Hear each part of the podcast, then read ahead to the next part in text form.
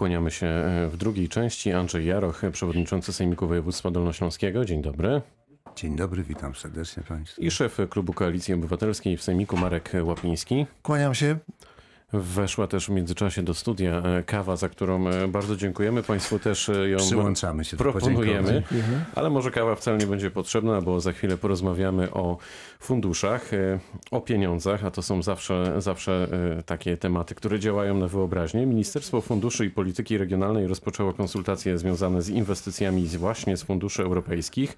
Marszałek Dolnośląski Cezary Przybylski wskazuje, że tu cytat, wysokość zaproponowanego budżetu unijnego dla Dolnego Śląska jest stanowczo za niska na tle innych województw, a dynamiczne tempo rozwoju, które osiągnęliśmy w ostatnich latach wymaga stabilizacji, kontynuacji, a nie wstrzymywania. Nie można karać Dolnego Śląska za jego wzorowy rozwój. Koniec cytatu.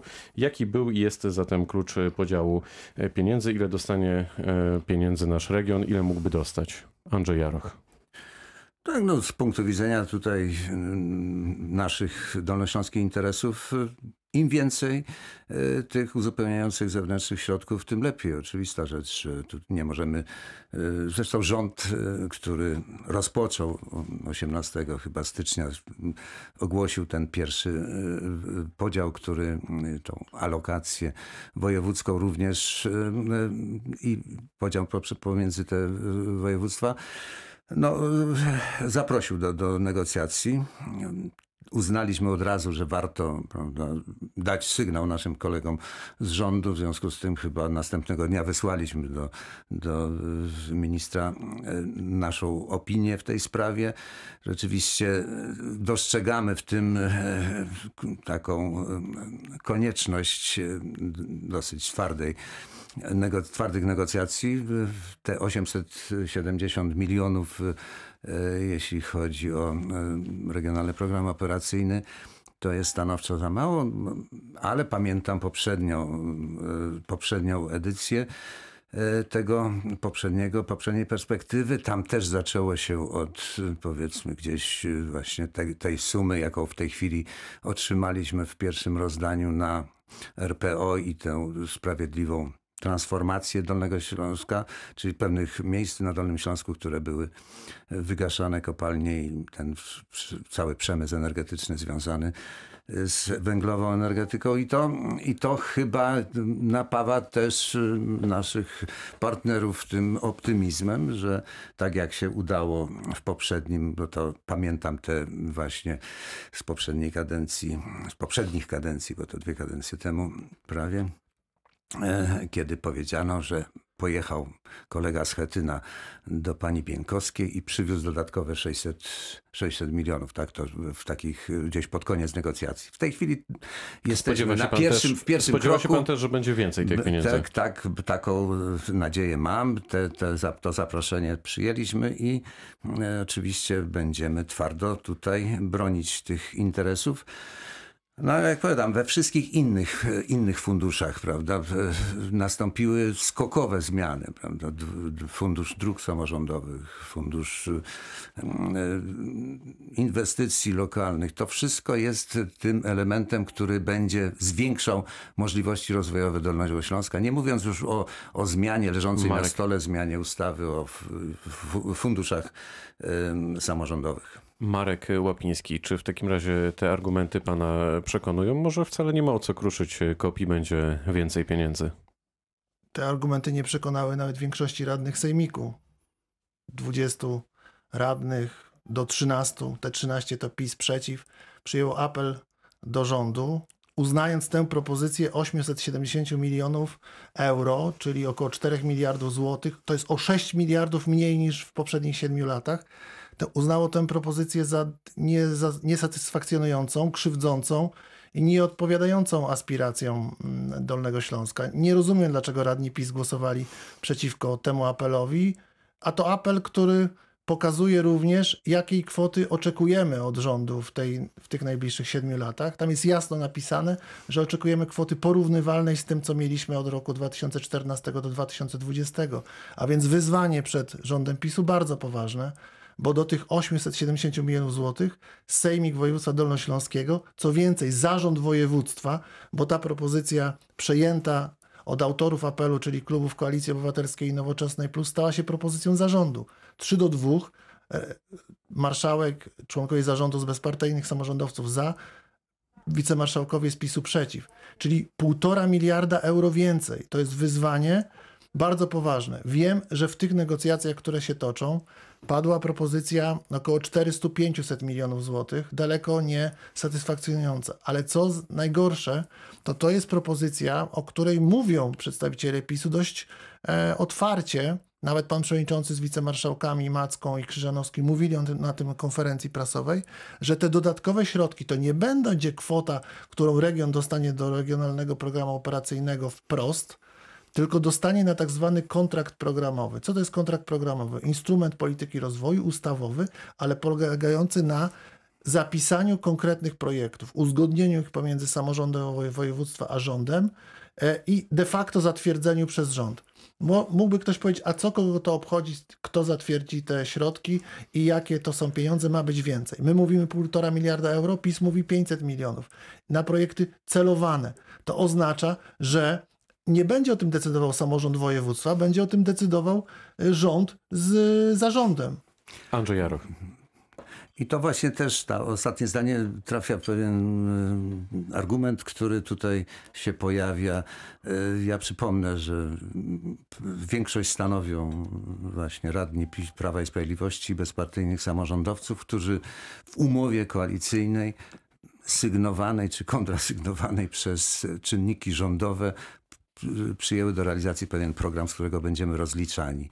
Stwierdzaliśmy wówczas, że nie walka z rządem, a współpraca z rządem i negocjacje e, w każdej sprawie wymagającej to jest ten kierunek, który, do którego władza samorządowa jako część władzy publicznej jest zobowiązana. Żaden konflikt, tylko ten Pan e, przewodniczący pyta, dlaczego myśmy nie głosowali. Po pierwsze, no powiedziałem, że tydzień wcześniej wysłaliśmy już to stanowisko, e, to stanowisko e, radnych Prawa i To Sprawiedliwości do zatrzymajmy rządu. się tu na chwilę. To, to zatrzymajmy się tu na chwilę. To dlaczego w takim razie, e, skoro tak było, jak pan mówi, marszałek Przebylski wraz ze swoimi radnymi, czyli wasi koalicjanci, nie zagłosowali tak jak, tak jak wy? Nie dali się przekonać? No, ja sądzę, że tutaj, jak powiedziałem, nasza koalicja to nie jest koalicja jakiegoś e, politycznego charakteru. To jest po prostu twarde zapisy e, takiego kontraktu politycznego, który e, rząd jest czynnikiem istotnym, bo właśnie on ten dodatkowy na przykład projekt inwestycji kolejowych stworzył i, i umożliwił na skutek naszych wniosków różne inne dzi- są podejmowane, które e, realizują tą naszą umowę koalicyjną. Natomiast rzeczywiście być może no, pomiędzy naszymi koalicjantami a opozycją sejmikową jest pewna taka tradycyjna, znaczy wynikająca z przeszłości e, polityczna bliskość i ta, dlatego oni to proponowali, tylko tam są zawarte pewne elementy, które godzą w te dwie zasady. Mówię, ta- ta, ta synergia współpracy z rządem musi się obiega, opierać na procedurach, na prawie, które tutaj e, znamy wszyscy i my przystępujemy do tych negocjacji bez konieczności dodatkowych jakichś e, ataków na rząd, który, które w tym, e, w tym dokumencie również może, można zauważyć. Tam są takie rzeczy, które nie wypada po prostu w pewnej e, kulturze negocjacji rozpoczynać od tego. W związku z tym no, było to naturalne, że, że nie przystąpiliśmy, chociaż oczywiście nasze wystąpienia e, potwierdzały, że będziemy w tym duchu właśnie starania o nowe fundusze.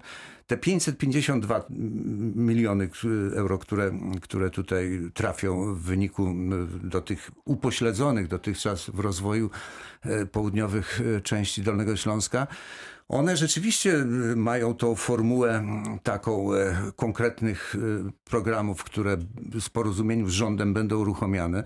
No ale przecież o takie programy chodzi. Nie? Tutaj środowiska lokalne od lat zgłaszają e, te, te, te programy i sądzę, że większym nawet być może, bo, bo troszeczkę nas też nie zadowalają, tu powiem, rozmawiając to na, przed wysłaniem tego stanowiska, jeżeli się przeliczy te, te bo to, ta, ta część, o której mówimy, te 552 miliony, to to jest jakby zwrot tych poniesionych strat w wyniku tej transformacji. Zwrot strat, które są nie w Tak, w stopniu i w związku z tym też, też rekompensowane będziemy dbać o to, żeby w, w, wprowadzić do dyskusji z rządem te y, argumenty, które pozwolą na głowę mieszkańca. Ale to są, Marek to są, panie przewodniczący, dwie różne sprawy. Fundusz Sprawiedliwej Ale Transformacji. ja to właśnie podkreśliłem, panie Fundusz Sprawiedliwej no. Transformacji to są inne pieniądze wywalczone w inny sposób Ale i dla decydowane na w Brukseli. ważne, nawet ważniejsze. ważne, dużo większe potrzebujemy także w tym zakresie, bo chcemy trzech e, regionów, które będą finansowane, a nie sześciu, jak proponuje PiS. Komisja Europejska zgadza się, że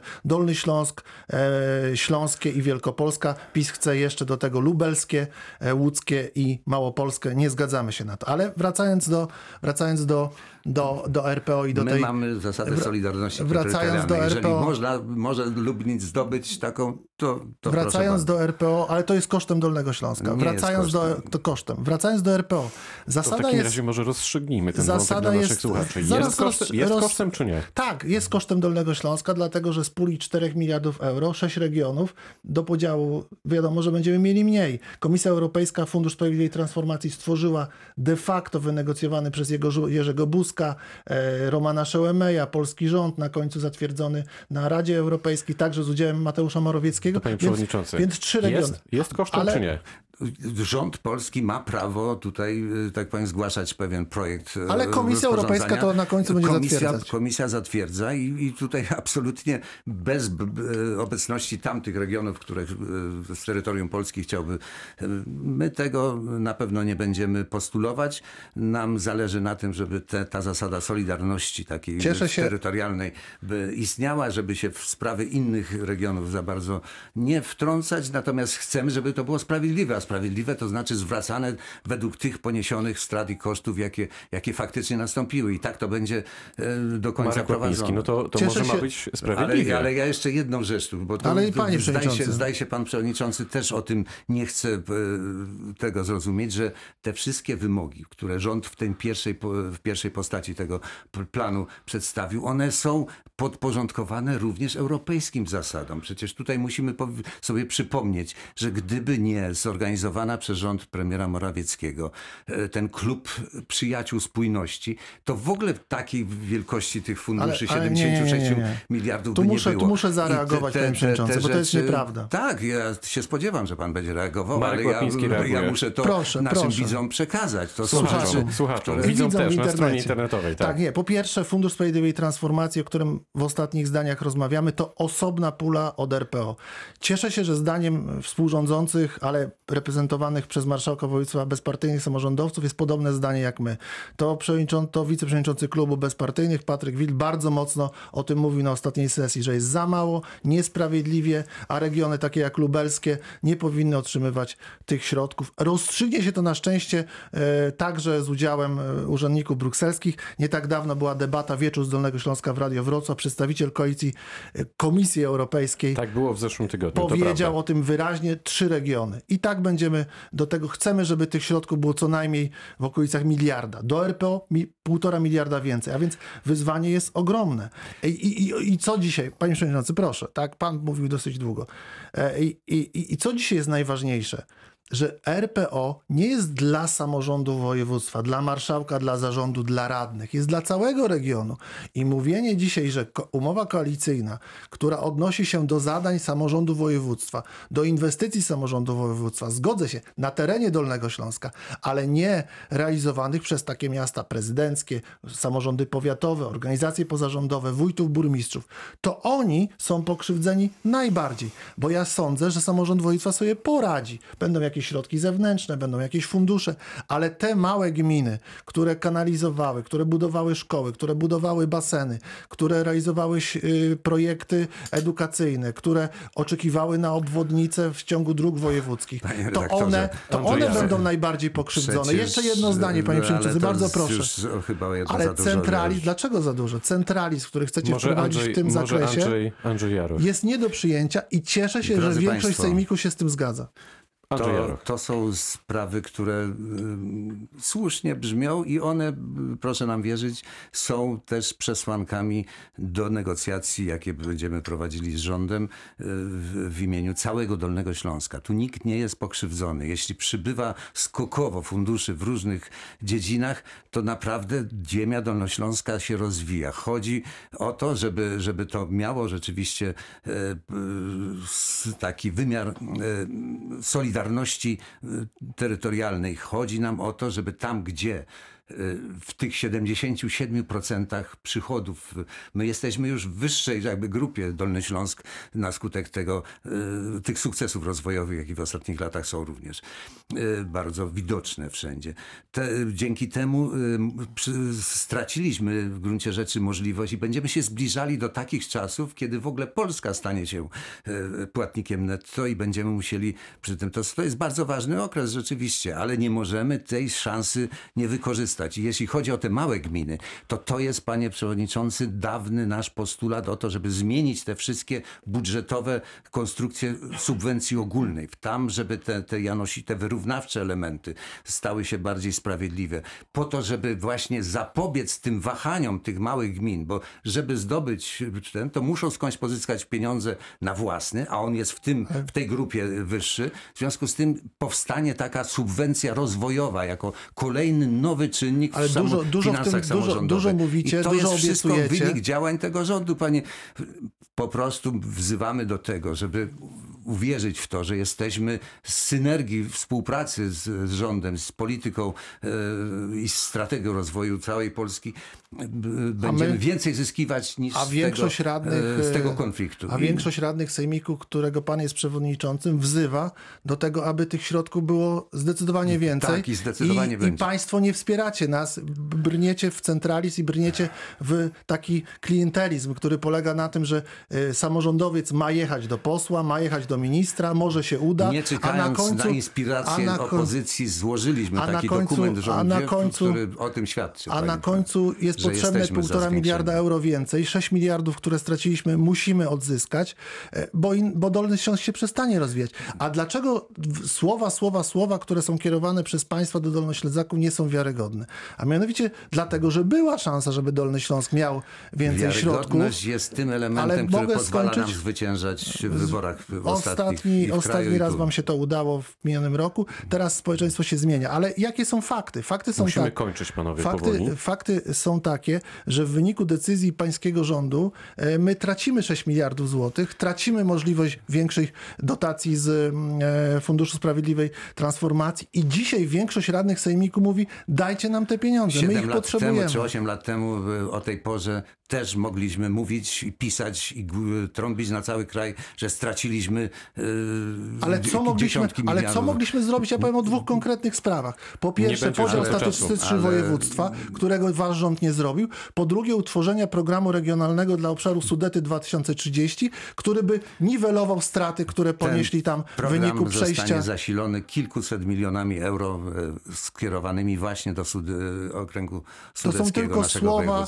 i dzisiaj Panowie, nawet wasi koalicjanci wiedzą, że jesteście musimy- niewiarygodni w tym zakresie. Wiarygodność to nasza Musimy dewiza. kończyć. Przewodniczący Sejmiku Województwa Dolnośląskiego Andrzej Jaroch był gościem debaty bardzo. Politycznej w duecie z Markiem Łapińskim, szefem Klubu Koalicji Obywatelskiej w Sejmiku. Kłaniam się, dziękuję bardzo. Dziękuję wszystkim, którzy uczestniczyli w Wielkiej Orkiestrze Świątecznej Pomocy. 127 milionów złotych wczoraj Panie na koniec dnia to rzeczywiście duży wyczyn. A czas, czas leci, pytał Dariusz Wieczorkowski. Mariusz Huszno, kłaniamy się to tak w ramach dobrego tygodnia, dobrej kawy. Do usłyszenia.